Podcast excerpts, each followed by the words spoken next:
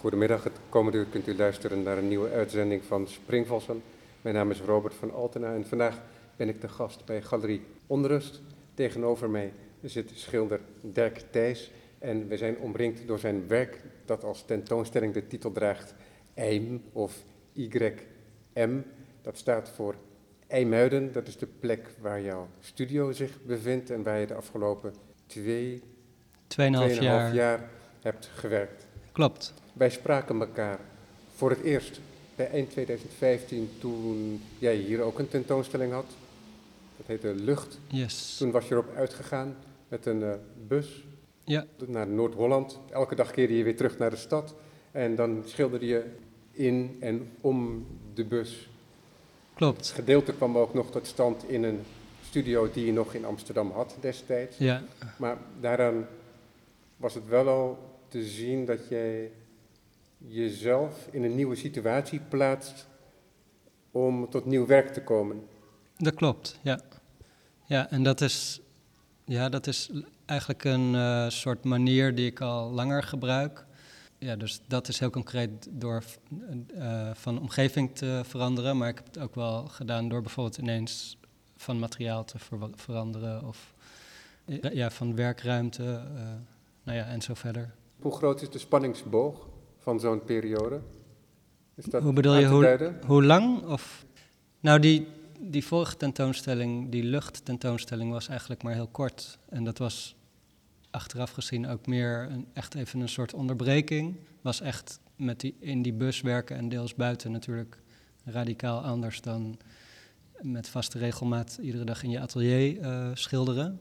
En nu, dus nu zit ik sinds 2,5 jaar in Emuiden en dat is echt wel iets anders. Dat het werk wat daar ook is ontstaan en wat nu ten dele hier hangt, is voor een groot deel veel trager ontstaan dan die schilderijen in de vorige tentoonstelling.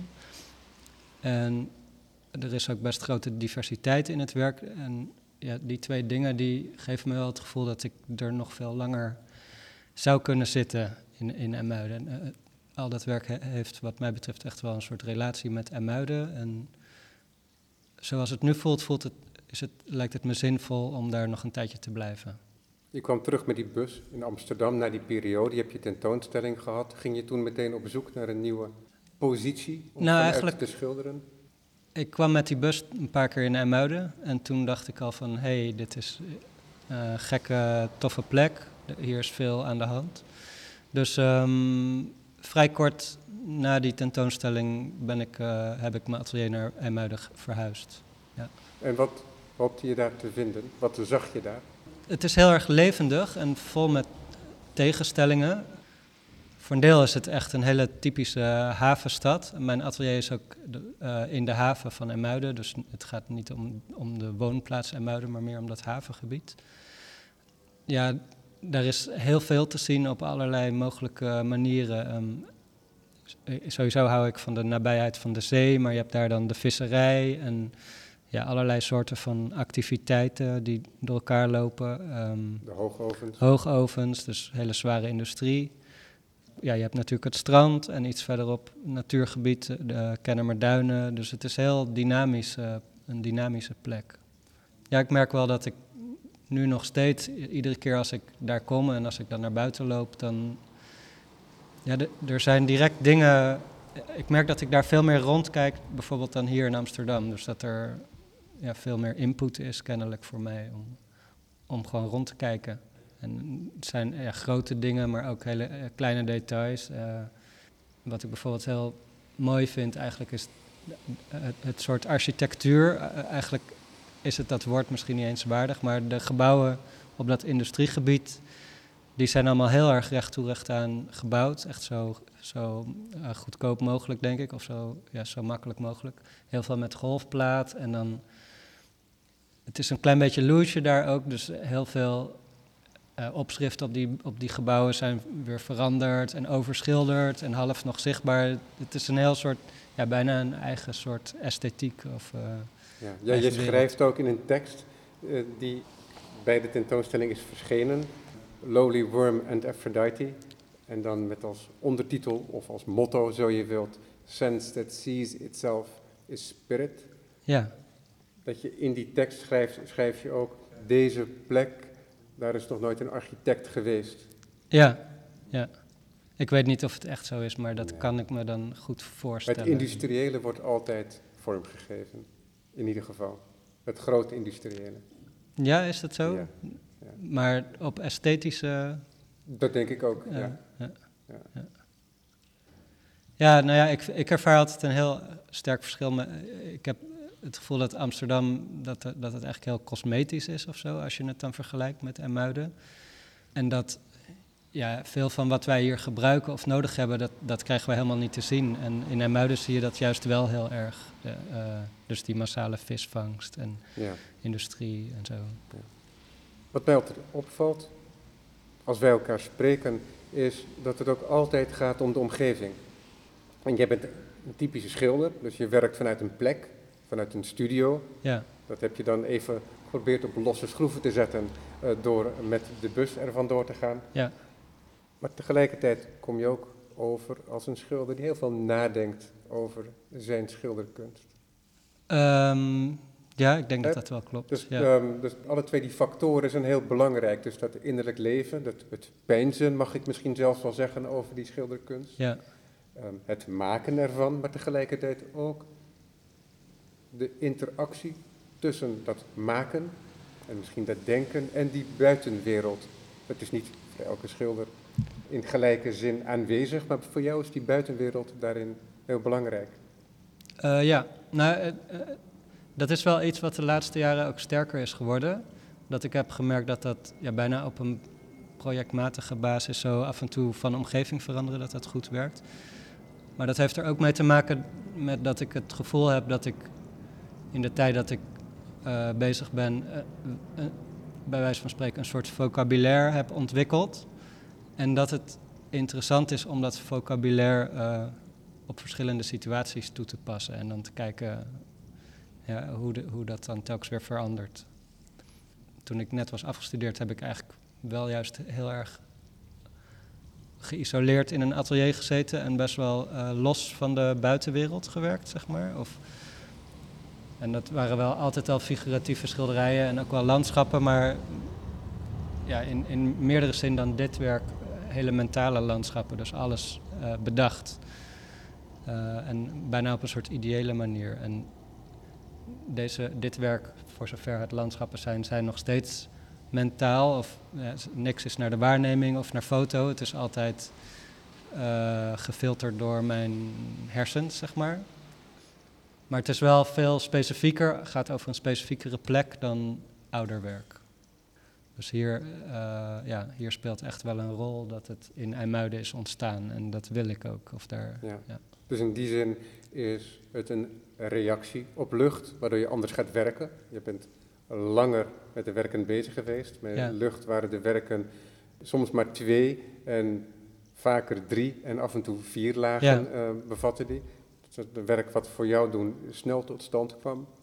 In dit geval is dat in ieder geval soms anders. Je ziet het al met werken om ons heen. We komen zo meteen ook wat dichter bij het werk in het gesprek. Maar tegelijkertijd heeft het wel die overeenkomst dat je nog steeds door bent gegaan inderdaad met die interactie met die buitenwereld. Interactie van je schilderkunst en je denken over die schilderkunst en die buitenwereld. Ja, het heeft er denk ik ook nog eens mee te maken dat, dat lucht, dat, dat was dus letterlijk heel luchtig, maar het was ook ja, een, een heel leeg motief of zo. Dus iets, eh, en dat ging daar ook om, om die ruimte en om leegte. Ja, ik herinner me Ja. ook dat jij destijds eh, zei dat je op zoek ging naar de leegte. Ja, dat klopt wel, ja, zeker. Dus ook echt buiten Amsterdam gaan en dan, eh, ja, dus eh, de afwezigheid van, eh, van mensen of van heel veel cultuur, bebouwing. En is dat dan ook een leegte in schilderkunstig opzicht? Ja, dat was met dat, met dat werk wel een beetje het geval, ja. Dus dat het minder doorwerkt was, dat heeft daar wel mee te maken. Ja. Met, met het motief, gewoon met wolken en lucht. Ja, en dat, het contrast met Emuiden is juist groot, omdat, wat ik net al zei over Emuiden, dat het, dat het voor mijn gevoel een heel ja, een plek is van allerlei tegenstellingen en, en dynamisch. In het meeste van dit werk gaat het me juist om een combinatie van allerlei dingen die daar aanwezig zijn. Dus je krijgt sowieso dan complexer werk met meerdere motieven gecombineerd. ook met suggesties, ja, met, met, met een, een sterker herkenbare figuratie. Of in ieder geval met motieven die, die zeg maar, betekenisvoller zijn dan die wolken van de vorige keer. Dus dat dat werk nu doorwerkter is, heeft ook daarmee te maken. Dat, dat die schilderijen voller zijn en dat het dus langer tijd kost om dat in balans te krijgen. Met ook die omgeving. Ja, ja. Want dat, dat natuurlijk ook. Dus niet alleen binnen het schilderij, maar ook Dat ook nog eens, ja. ja en ook, en ook, ehm, ook nog eens met elkaar, met de verschillende werken onderling. Dat is ook altijd wel iets wat, wat voor mij een, eh, ja, iets is wat niet vanzelfsprekend is. Ehm, en ik denk dat, het, dat deze groep werken in nog sterkere mate dan eerder werk heel erg uiteenloopt qua vorm. vorm, eh, maar ook wat formaat betreft. Ja, en dus dat is ook altijd aftasten en, en heroverwegen. Van hoe ver, ja, hoe ver kan ieder werk afwijken van een soort gemiddelde? Of, ja, Ja. Hoe, of, in hoe ver kun je extreme eh, bij elkaar brengen en eh, in een soort balans laten staan? In die tekst, waar we ook nog wel op terugkomen, schrijf je ook dat er enerzijds in die industriële omgeving hele duidelijke, heldere lijnen zijn. En dat tegelijkertijd die hele omgeving in IJmuiden ook een soort soep is waarin Ja. alles in omgaat. Dat is een soort vuil die alles doordrenkt. Ja, ja. Niets is zijn perfecte zelf meer in die omgeving. Of dat zal het onmogelijk kunnen blijven. Ja. ja, op meerdere manieren wat mij betreft. Want aan de ene kant speelt daar wel, eh, bijvoorbeeld heel concreet door weersomstandigheden kan je dat effect krijgen. Hè. Eh, je, hebt, je hebt die zogenoemde, volgens mij heet het zeevlam, zo'n soort mist die heel erg snel kan opkomen zetten. Die, dat heb ik een paar keer meegemaakt, dus dat, dat er gewoon letterlijk ineens alles één wordt. Of dat contouren inderdaad vervagen en ja, bijna alsof het in elkaar zou kunnen overvloeien. Maar ik bedoel het ook in de zin van dat cultuur en natuur bijna ononderscheidbaar zijn. Dus als je daar in dat havenbekken in het water kijkt, ja, dan is het bijna letterlijk een soep. Maar eh, dus met zowel zeewier en ik weet niet, misschien dode vissen of krabben, maar ook met allerlei ja, stukken plastic en lege blikjes. En, en sommige dingen hebben zo lang in het water gelegen dat je niet meer echt kan zeggen, weet je wel, of het, ja, of het ooit iets natuurlijks was of juist iets wat door mensen is achtergelaten.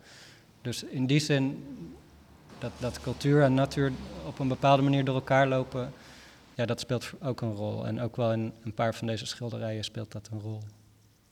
Moest je wennen aan die nieuwe omgeving? Of kwam je heel snel op gang? Ik kwam wel snel op gang, denk ik. Maar de eerste dingen die ik daar heb gemaakt waren heel erg wild, denk ik. En later heb ik nog wat, wat andere vormen, denk ik, gevonden die het wat beter toelaten om die veelheid van motieven in één beeld te krijgen. Eh, dus het heeft wel tijd gekost voordat ik echt het gevoel had dat ik er grip op had. Ja. En hoe werk je dan? Werk je dan aan één werk tegelijkertijd?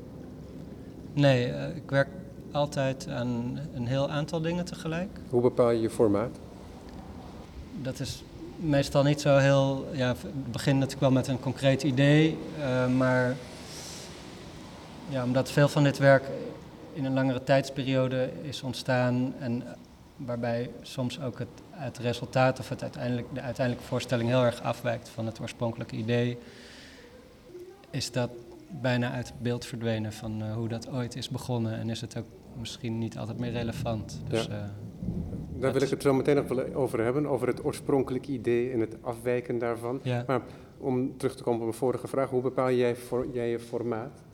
Want we zien toch wel een soort eensluidend formaat bij een aantal werken. Ja, Dan soms liggend en soms een staand rechthoek opleverend. ja, Soms zie je ook eentje die net één slag groter of één slag kleiner is. ja. De gemiddelde maat hier voor ons, wat is dat? 60 bij 40? Ja, het is eigenlijk. groter, eh, nou, er is wel een hele concrete reden. wa- Want het meest voorkomende formaat is 50 bij 65. En dat is gewoon de maat van een standaard tekenpapier. En veel van deze dingen zijn begonnen ook als papier, dus als tekening, omdat, ik dat, omdat dat minder zwaar voelt. Dus dat, ja, dat ik merkte dat je, daar, dat je op, op een papier onbevangener kan werken dan op een doek. En uh, ja, een heel aantal van die, van die werken bleef ik op doorwerken en gingen, ja, gingen meer als een schilderij aanvoelen. Dus heb ik ze uiteindelijk op een doek of op een, uh, ja, op een frame geplakt. Uh, dus dat is gewoon heel concreet, bijna toevallig, dat, dat dat de maat van een standaard papier is.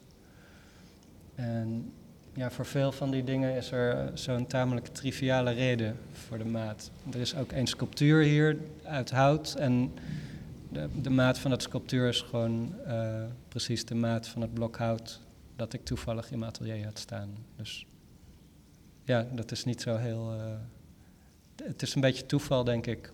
Over die rol van dat sculpturen komen okay, we ook toch wel prima. te spreken. Maar uh, zojuist zei je, en dat is iets wat je ook al in een eerder gesprek hebt gezegd, over dat hebben van een idee waar je van uitgaat en het uiteindelijke werk dat je maakt en waardoor je vroeg of laat gaat afwijken ja. van dat idee. Wat is dat afwijken van dat idee? Is dat het krijgen van een beter idee onderweg of is het iets anders? Um, heel vaak gaat het tamelijk geleidelijk en ontstaat dat gewoon in een proces van dat je de hele tijd probeert iets te verbeteren, maar ja, door dat eindeloze verbeteren uh, ontstaat er vaak iets anders. Ja, maar hoe dus, kom je tot je oorspronkelijke idee? Wat is dat, het hebben van um, een ehm, idee voor een schilderij? Ja, nou ja, dus soms is dat, ik denk dat dat bij mij zelfs dat, dat ook tamelijk verschillend kan zijn. Dus soms is het een heel duidelijk motief, van ik wil, ik, ik, ik wil proberen een krab te schilderen of ik wil, ja, dus een motief. Maar andere keren is het ook ja, meer een soort sensibiliteit. Dus dat een idee gaat over bijvoorbeeld, ik wil nu op een heel dun papier schilderen en dan met, met dikke verf, waardoor dat papier gaat verschrompelen, waardoor een soort levendigheid ontstaat. Dus dat kan altijd anders zijn, uh, denk ik, bij mij. En vervolgens is het ook zo dat je dus je intuïtie volgt en het maken gewoon volgt. Waardoor dat werk inderdaad gaat afwijken van een oorspronkelijke gedachte. Ja. ja. Is dat moeilijk of probeer je dat toch lang terug te sturen naar dat oorspronkelijke idee? Of laat je uh, dat soms gaan? wel. Ja, de, de ervaring leert wel dat dat eigenlijk nooit gaat terug. Dat je dan een soort verkramping krijgt. En ja, dat is eigenlijk gewoon iets wat volgens mij niet mogelijk is. Maar um, ja, wat, wat ik wel erg moeilijk vond, specifiek bij deze tentoonstelling, dat, er, dat, het, dat ik het gevoel had al mijn criteria kwijt te zijn, of heel veel criteria in ieder geval, en dat het dus echt alleen nog maar ging om het ding zelf en om ja, bijna op een intuïtieve manier te bepalen of het goed is of niet. Maar dus niet zozeer met vooropgestelde criteria. Maar Dirk, dat is waar het om ging. Ja, maar dat is wel heel erg moeilijk. maar, dat is, maar dat is interessant toch? Dat je allerlei voorwaarden schept, misschien een soort concept zelfs bedenkt en een idee formuleert. Ja. Maar dat is uiteindelijk waar je naartoe wilt, toch? Dat het feit dat je buiten de criteria aan het schilderen bent. Dat is iets wat jou wel bezighoudt. Ja, ja, zeker. Ja, nee, nee ik, zeker. En ik geloof daar ook erg, heel erg in.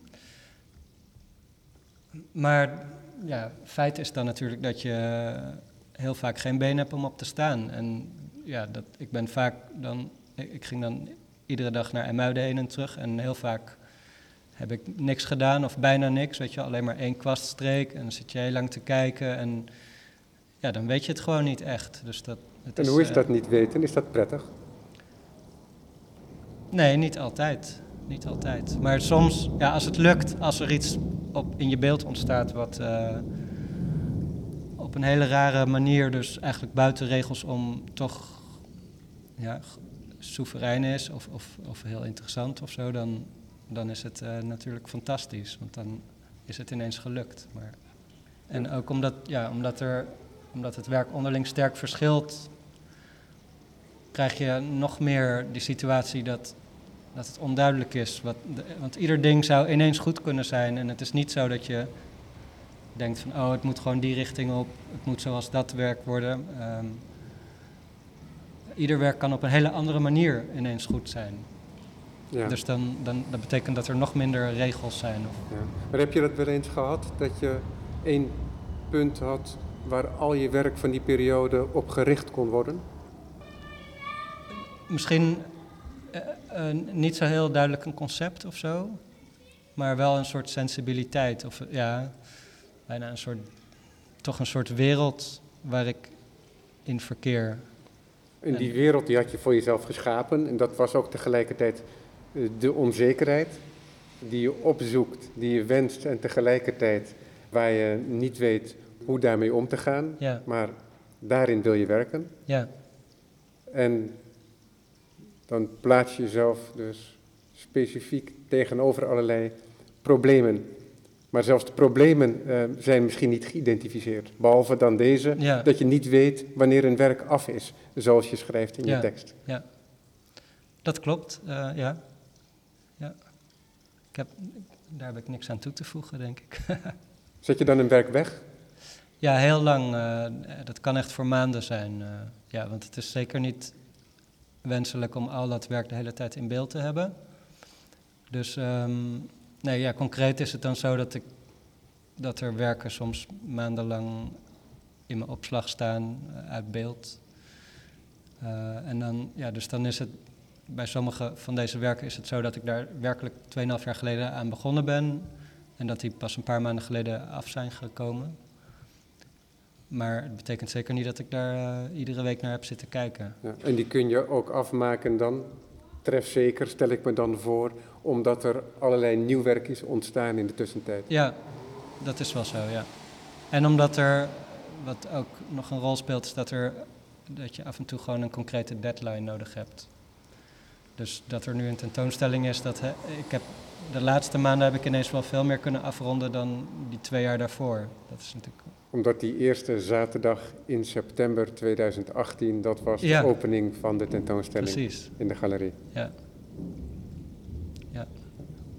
We hebben hier, denk ik, zo'n 16 schilderijen, denk ik, en één beeld. Hoeveel werken zijn er uit die Eh, periode van 2,5 jaar? Je bedoelt in totaal, eh, los van wat er hier hangt. Ja, wat er nu af is, daar, dat zijn denk ik nog, nou hooguit nog tien andere werken of zo.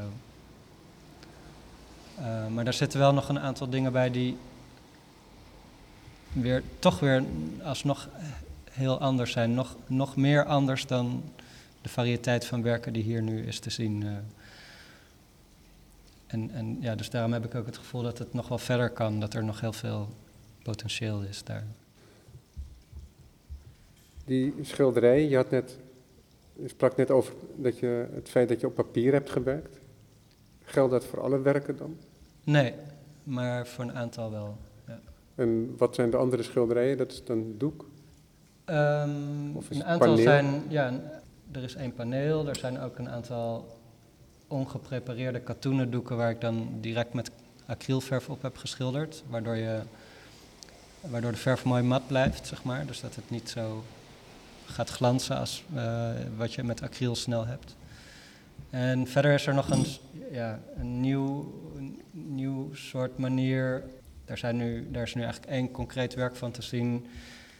Dat is voortgekomen uit het idee dat ik wilde proberen of je een schilderij niet net als een tapijt kan maken. Dus bijna als een weefsel. En dan, Dat is een schilderij dat hier om de hoek hangt, denk ik. ja, en achter jou is ook een, eh zo'n soort Oh ja, die is nog inderdaad Ja. letterlijker een tapijt. Ja, ja ik, ik vind het mooi, eh, het idee van een tapijt, daar vind ik mooi aan dat je geen drager hebt en dan het beeld wat daar bovenop komt, maar dat het letterlijk verweven is. Dus hetgene wat de, wat de materialiteit uitmaakt en de voorstelling, dat is letterlijk hetzelfde. En ik heb dat geprobeerd op een, ja, met verf na te maken, of, of ja, eh, an- ana- analoog aan een tapijt te maken, namelijk door met acrylbinder, dat is acrylverf zonder pigment, zeg maar. Dus dat is gewoon een soort emulsie die transparant opdroogt. Door dat te gebruiken als drager en daar dan, daar zitten dingen in geplakt eh, of half weer opgeschilderd. Eh, dus je krijgt een soort, ja, iets wat, er ook wel heel erg, wat zich wel erg als object gedraagt in vergelijking met een schilderij op doek. Maar waar ook weer figuratieve elementen in zitten. En het doet ook wel iets denken aan iets wat je uit de soep van zo'n havenbekken kunt Zeker. opvissen of op de vloedlijn kunt vinden. Ja, ja. ja, er drijft ook echt letterlijk heel veel plastic hè, in, het, in de zee. Ehm, en die acrylverf, dat is in feite uh, plastic. Je krijgt gewoon een soort plastic film. Ja, ik, ik vind het fijn dat het er uh, zo uitziet, als, uh, bijna als iets wat, ja, wat, wat je hebt gevonden of ja, wat uit het water gevist is. Maar toch helemaal gemaakt. Ja. Want het is niet zo dat je dat geprobeerd hebt na te bootsen. Nee, het, het, maar dat is voor een deel gewoon ontstaan omdat ik lang aan die dingen heb gewerkt. Ja, waardoor het, er, waardoor het een soort eigen specifieke huid krijgt.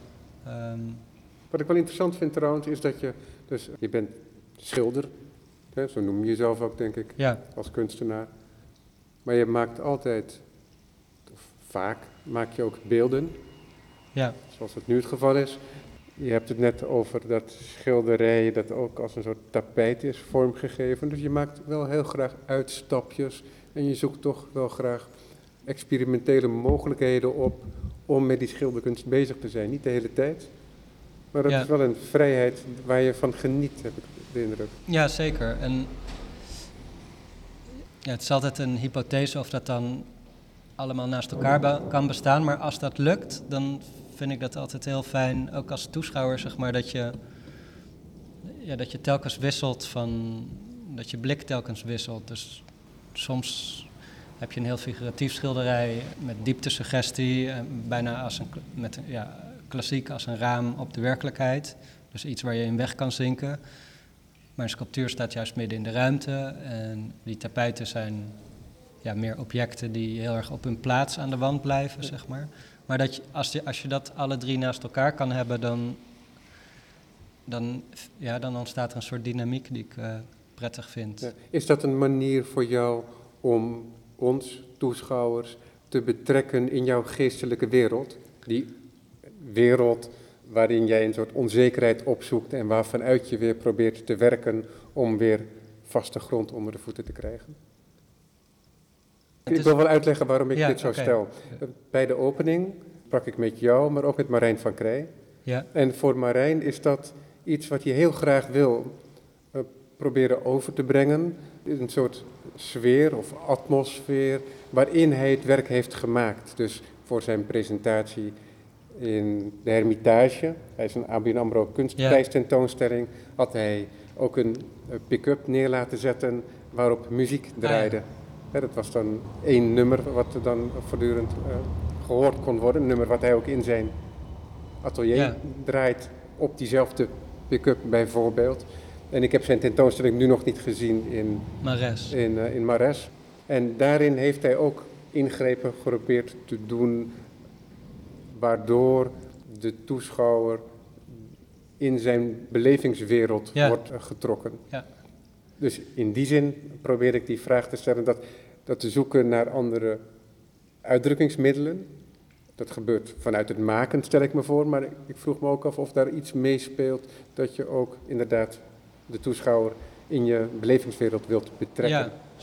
Ja, uh, ja zeker. Dus uh, ja, en de reden dat ik een paar jaar geleden ben begonnen met andere dingen dan schilderijen, heeft daar heel concreet mee te maken er was, kwam een soort punt dat ik er zelf ook ervoer dat schilderijen, daar ben je natuurlijk altijd geneigd toe om die heel, op een heel objectieve manier te bekijken. Dus eh, letterlijk zie je mensen in musea afstand nemen en dan een oordeel vellen. Dus het is heel, ja, een beetje, het kan afstandelijk zijn, zeg maar. Terwijl met, met andere dingen, installaties of, of ook dingen in de ruimte, is je relatie fysieker. Dus dan, ja, dan heb je die wereld inderdaad letterlijk veel presenter en verhoud je daar ook op een, op een lichamelijkere manier mee dan met uh, schilderkunst.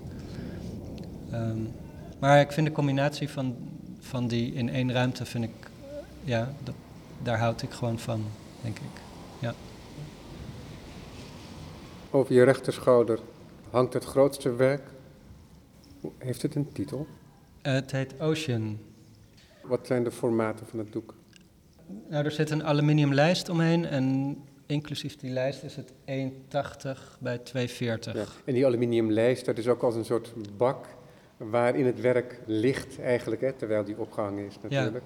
En dat geeft ook een soort luminositeit aan het werk, Ja. waardoor het werk Ja. omstraald wordt als het ware. Ja, ja, die En lijst... dat is een lichteffect wat niet heel vreemd is aan de kust. Precies.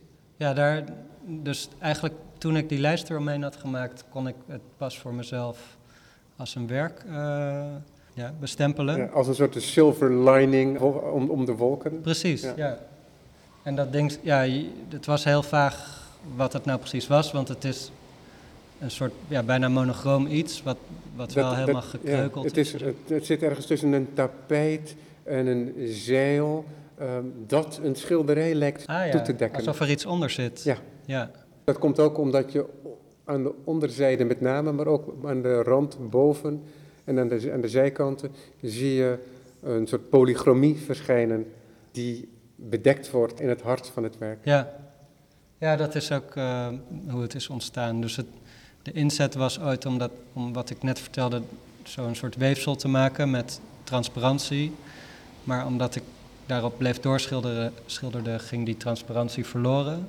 En uiteindelijk ja, heb ik daar van alles mee geprobeerd, maar had ik, was ik daar zo zat van dat ik alles in één keer grijs had geschilderd. Dit is allemaal in één sessie gebeurt dit. Nee, dus die, dat grijs schilderen is één sessie, maar daarvoor zijn er een heel aantal handelingen Ja. waarvan je nu alleen nog de sporen ziet. Ja. Is dat ook een soort vernietigen van een mislukt idee? Dat, dit geval dat, toedekken, Ja, zeker. waarmee je een nieuw werk maakt? Ja, Want dat is dan waar je eh, vervolgens naartoe probeert te werken, stel ik me voor. Eh, waar naartoe? Naar een nieuw werk. Ja, ja, dus dat het vernietigen niet per definitie is vernietigen en de, de vuilnisbak in, maar dat je het werk probeert te transformeren. ja, ja. Ja, nog meer dan eerder heb ik bijna mezelf verboden om dingen weg te gooien in deze 2,5 jaar, omdat er dus, en er zijn een aantal dingen eh, die zijn niet hier, maar daar zit heel erg veel verf op, maar ja, ik ben wel langzaam in gaan zien dat dat ook weer zijn eigen kwaliteit kan krijgen. Ehm, maar dat, ja, dus dat wordt dan in dit geval zo- zo'n soort monochroom werk. Ja. Ja. In je tekst beschrijf je ook dat je ergens jezelf de vraag hebt gesteld, dat je geïnteresseerd bent en in de, de klare lijn, Ja, de heldere lijn van de strip, zeg je dan zelf. ja, En tegelijkertijd ook dat idee van die soep, dat je dat interesseert. Wat jou voornamelijk interesseert dan is of, het waagstuk, eh, of je het waagstuk aan kunt gaan om dat samen te brengen in één werk. ja, En dan zeg je daarbij, ehm, moet dat dan vervolgens inderdaad plaatsvinden als synthese? Of kan het ook onbemiddeld eh, naast elkaar bestaan? Of in één werk bestaan? ja. Daar heb ik niet direct eh, een antwoord op, maar ik, Maar daar ben je wel Ja. mee aan het werk gegaan. We zien dat- hier achter jou een werk, naast dat hele grote werk. Dat zou je heel snel in een flits kunnen duiden, wat ik al tegen je zei eerder, als een Morandi. Mhm. De man eh, met, zijn, met zijn vaasjes. Dus je ziet een, een heel tonaal werk met daarop een tekening van twee cilindervormen, eigenlijk drie. Want de twee staande cilindervormen worden met elkaar verbonden ja, door nog een buis. Er is een schematische poort aangegeven, lijkt wel. Maar tegelijkertijd lijkt het ook een soort hoogovertoren. Dus de dimensies moeten enorm zijn. ja, Maar de wolken die eruit voortkomen, dat lijken een soort anemonen eh, die aan een onderwaterwereld Ja. toebehoren. Waarop ook wat rode stippen zijn aangebracht. En er zit ook een heel mooi geel, bijna mosterdgeel, ehm, komt erachter tevoorschijn. Dus je weet niet of je onder of boven water bent daarin. En dat representeert ook dat idee van die soep, stel ik me voor. Eh, ja. Maar daarin zie je ook dat spel inderdaad tussen dat atmosferische ja, en die klare lijn. ja. Ja, en met, die, en met dat stripachtige, daar speelt, dat is, ja, dat is ook een soort, dat heeft voor mij ook iets meer, ja, met, met een meer rationele of begripsmatige manier van denken te maken, waarbij je ook, ja, dat stripachtig gaat in deze schilderijen soms ook naar, naar een soort surrealisme. Dus eh, als jij uit een fabriekspijp zeeanemonen ziet, in een ander schilderij zijn, is er een fabriekspijp met vissen. Eh, Dus ja, dat is ja, bijna surrealistisch, maar heel erg een spel met begrippen eh, en met, met motieven en die verwisselen. Maar aan de andere kant gaat het in een aantal van deze schilderijen juist heel erg om optische effecten, zoals eh, reflectie op water en ja, dus, eh, meer om stemming en zo. En, en ook, er zijn een aantal schilderijen die, die, ja, die er misschien impressionistisch uitzien, dus waarbij het echt heel erg gaat om, het, om hoe iets verschijnt aan je oog, los van, van al die begrippen. Eh, ja, dus dat het zijn allemaal dingen die... Ja, ja dat, het, dat het licht op de dingen, op de fenomenen, op de verschijnselen die ons omringen, ja, het onderwerp is en niet zozeer eh, de massa en de objecten. precies. Ja. We hebben nu een aantal werken benoemd, ik nam het woord tonaliteit in de mond, over het bedekken van een veelkleurige ondergrond. Ja, Maar wat nog niet vermeld is, is dat het een hele kleurrijke tentoonstelling ook is. ja, tot mijn eigen verbazing wel een beetje, maar het is vrolijker dan ik eh, had verwacht, eh, het resultaat. En, en lichter ook wel, op een bepaalde manier. Ja. Maar, maar IJmuiden is trouwens ook heel kleurrijk, dus misschien heeft het daarmee te maken. Eh, ja, Op wat voor manier nou, kleurrijk? in Ja, op allerlei manieren. zin? Nee, letterlijk ook. Je hebt gewoon heel letterlijk de hele primaire kleuren van bijvoorbeeld van scheepsrompen of containers of boeien, weet je wel. Dus echt van die knalharde kleuren die je meestal buiten niet zo snel ziet.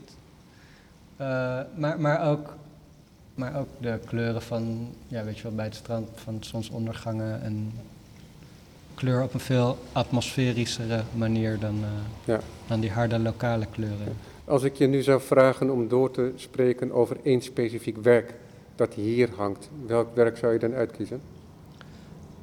Er hangt een werk, dat hangt helaas net uit zicht. Eh, maar dat is een, eh, een klein doekje wat misschien wel het meest vage werk is in deze tentoonstelling. Kun je het beschrijven voor me? Ik heb het Ja, gezien, maar ja, ik kan het, het me is- niet voor de geest roepen nu. Het is eh, ja, een beetje lila-achtig.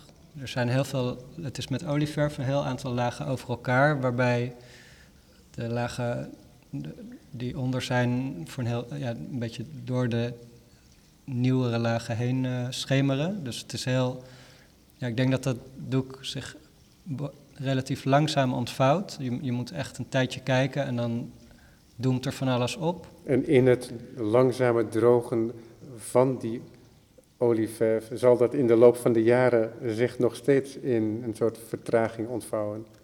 Omdat die pigmenten steeds meer bloot komen te liggen. Is en dat misschien, zo? Ja, denk Ja. je dat het nog... Ja. Ja, misschien. Ja. Ja. Maar ja, ik, had, ik heb eigenlijk in deze tentoonstelling voor het eerst...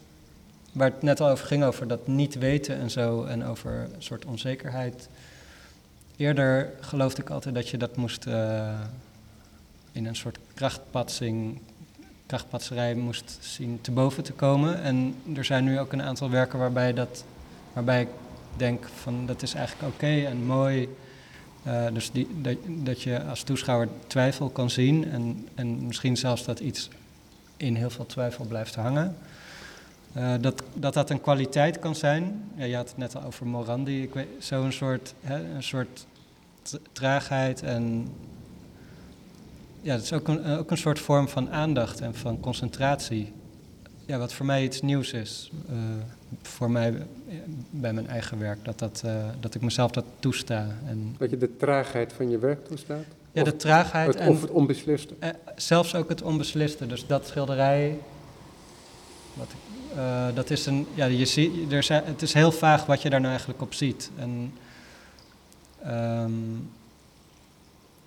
ja, je ziet, ik kan wel beschrijven, je ziet een, een soort wurmpje-achtig figuur uit een, uit een vorm opduiken en die kijkt in de diepte van het schilderij en daar zijn wel suggesties van een soort boot, maar ook maar half aangeduid. En verder zijn er nog, ja, dat figuur zit in een soort water en daar eh, duiken ook weer figuren op, maar niks is echt vast omlijnd of echt overtuigend aangeduid. Dus het blijft heel erg in een soort tussen hangen. En dat, is, ja, dat zou ik mezelf eerder niet hebben toegestaan. Nee, want wat heel erg opvalt, hè, ook in de werken die hier recht voor ons hangen, is dat die buitenwereld die dan een plek krijgt in je schilderij, hè, die dan gerepresenteerd worden, uh, die worden vaak plat gemaakt door jou. Hè, of in ieder geval, Ja. je houdt je niet heel erg eh, aan de, aan de renaissancistische wetten van het perspectief. Ja, Dat probeer je te veronachtzamen zelfs, denk ik. ja, Waardoor er toch ook een soort een silhouet ontstaat vaak ja. van het object. Ja, waardoor het heel eh, ja, dus plat en grafisch wordt. En ik, ja, ik hou denk ik En dat is denk ik ook wel representatief voor de wereld van Dirk Thijs. Eh, ja, nou ja, er zijn nu dus wel andere mogelijkheden bijgekomen. Maar dat was, ja, dus die meer stripachtige manier. Ja, dat is voor mij het meest vertrouwde. En ja, ik heb wel het gevoel dat ik daar vandaan kom. Of dat, dus hetgene wat ik het beste ken of zo, dat is dat, die manier. Ja. Ja. En die twijfel, over die twijfel zeg je, in je tekst verbind je die twijfel met bewustzijn. Dat het ene misschien wel het andere is. Ehm, ja, of, ja, zeker. Ik denk dat zodra je eh, over eh, iets van alles begint af te vragen, dan groeit er een soort bewustzijn over datgene. Dus dat ligt wel heel erg in elkaars verlengde, denk ik. Ja, Dat is dan ook weer verbonden met dat motto. Wat mij betreft wel, ja. The sense that sees itself is spirit. Ja, ja. Van de romantische dichter, eh, wat is zijn naam ook alweer? Novalis. Novalis. Waarbij ik moet zeggen dat ik, het, het werd geciteerd door Ben Lerner. Ja, Novalis schreef ook niet in het Engels. Precies, en ik heb dan geprobeerd om het origineel te vinden, maar dat heb ik niet gevonden. Dus ik, ja, ik ben er niet eens helemaal zeker van of het nou echt van Novalis is. Of dat Of dat het heel vrij vertaald is door de dichter. Precies, zoiets, ja, zou kunnen. Dat verandert niks aan de waarde van die frase voor Mm. jou. Eh, nee, nee. Nee. Ja. Hoe, want het is wel interessant natuurlijk ook bij jou, is wat je net bijna zei, is dat die mm, figuratie, die stripachtige figuratie in je werk, dat dat ook heel erg verbonden is met talige concepten en dus met taal. Ja, En misschien dus ook wel met, het, met een soort concreet denken. En hoe verhoudt zich dat met die onzekerheid? Zijn dat dan de vaste elementen waaraan je je kunt vasthouden mocht het te onzeker worden? ja, ja.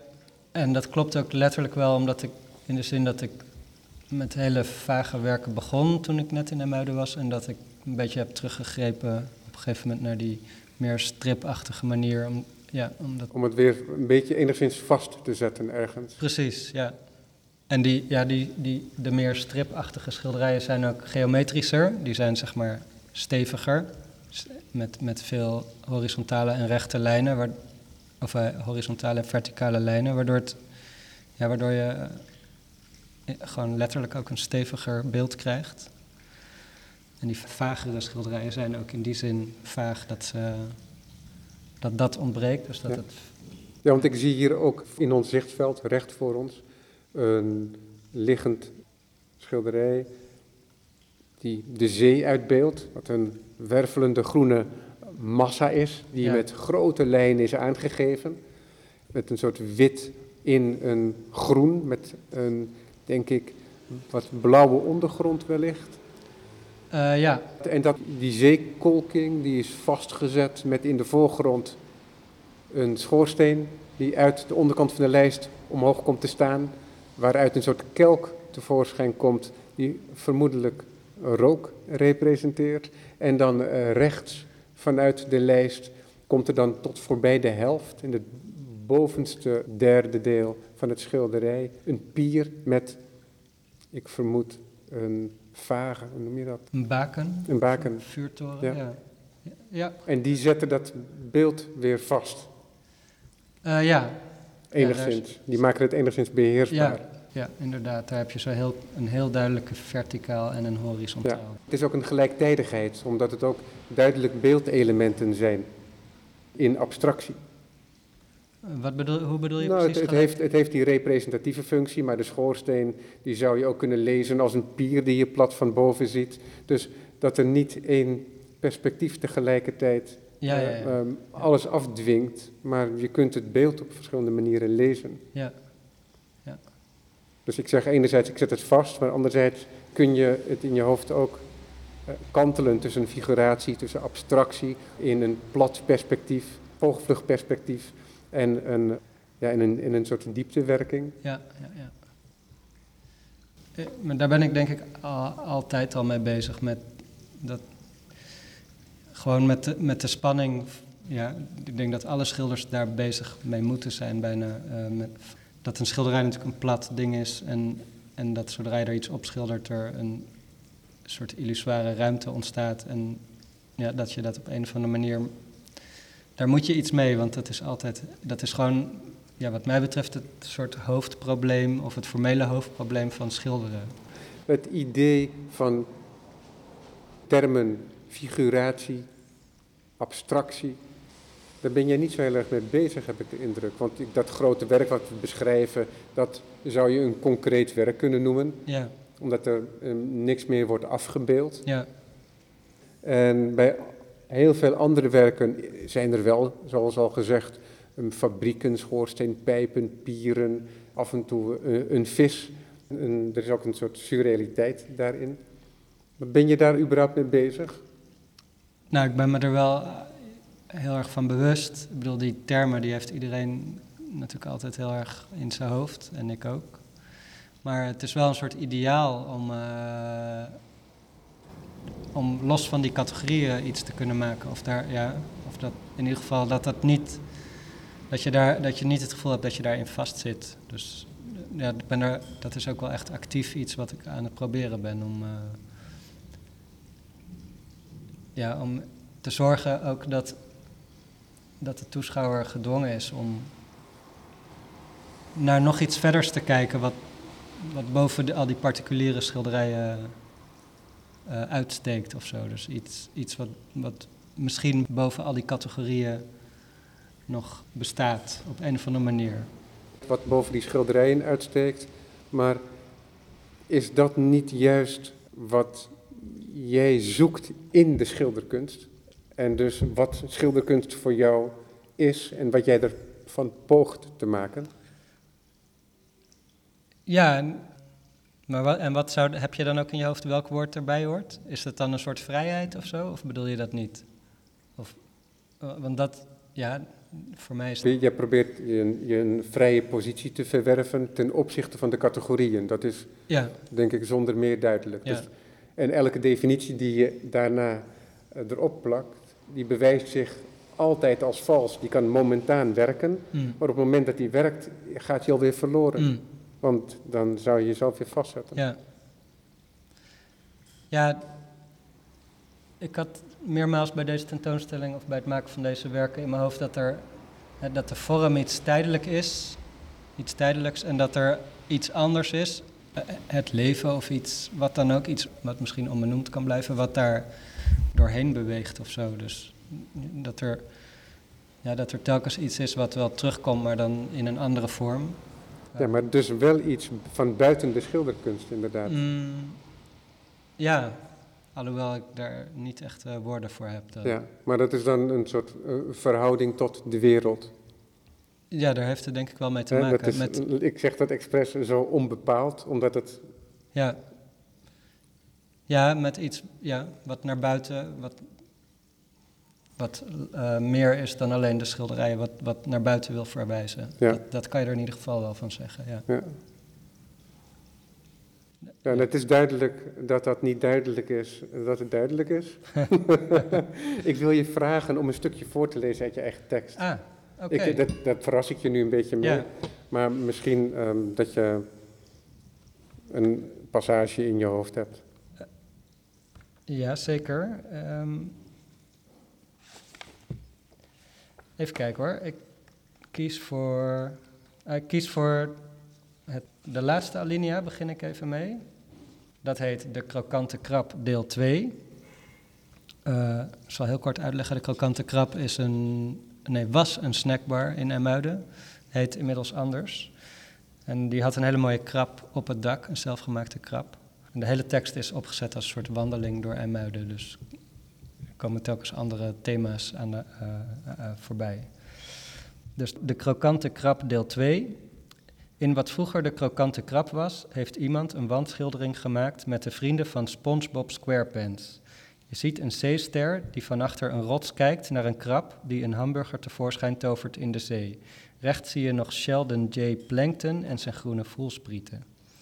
In die schildering is zo ongeveer alles wat ik wilde wel bereikt. Protagonisten die andere wezens zijn dan mensen, een combinatie van atmosferische effecten, hier met spuitbus gemaakt, en scherpe grafische lijnen. En een invulling van de verwachting van de zee. Boven in beeld, waar in oude schilderijen heiligen verschenen of andere openbaringen, verschijnt in bruine bubbels van frituurvet een hamburger. Voor degene die verdwaald is en daar vrede mee heeft, is dat misschien genoeg. Daar sluit de tekst mee af. Dat is de laatste alinea. Ja. En dat is ook mooi dat de schilder van dat werk inderdaad alles teweeg heeft gebracht in dat werk wat jij zocht te doen. Uh, ja, dat was wel een beetje confronterend. Want het is gewoon iemand ja, die dat heel onbevangen, tenminste, zo ziet het eruit, ja, uh, heeft gemaakt. Ja.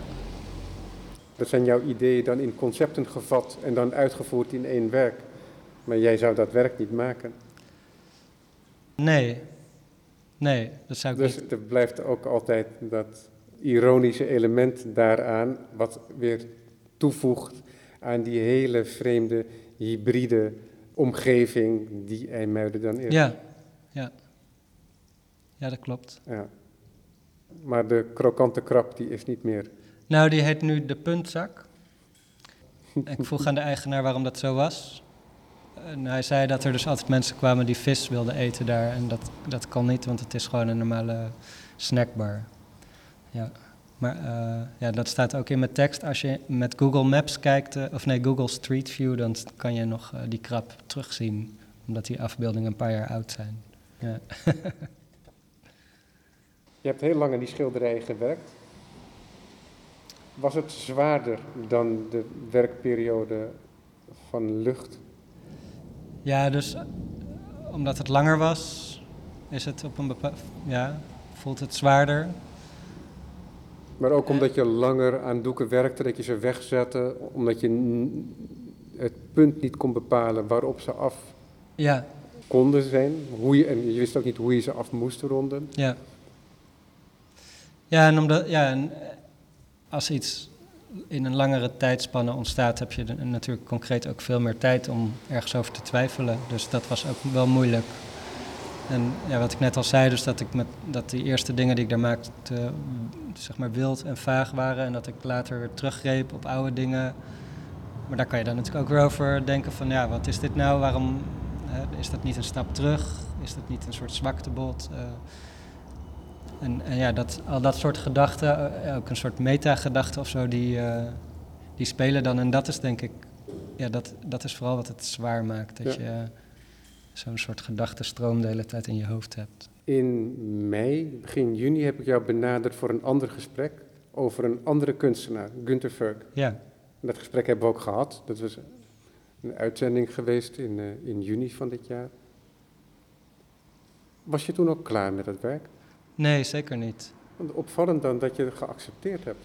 Toch alle kunstenaars die ik bijna spreek, die zeggen eigenlijk het werk van collega's, contemporain of historisch, ja. een beetje uit hun blikveld te verdringen om zich te kunnen blijven concentreren op dat andere werk. Ja, dat herken ik wel, maar... Op dat eigen werk. Ja. Maar uh, Gunther Furk is voor mij niet iemand met wie ik me heel erg verhoud of zo. Of ik, ik heb ook niet het gevoel dat hij invloed heeft op, op mijn werk. Dus uh, dat voelde niet als een probleem. Maar, ik, maar met dingen die mij heel na aan het hart gaan, gel, zou dat zeker ook gelden.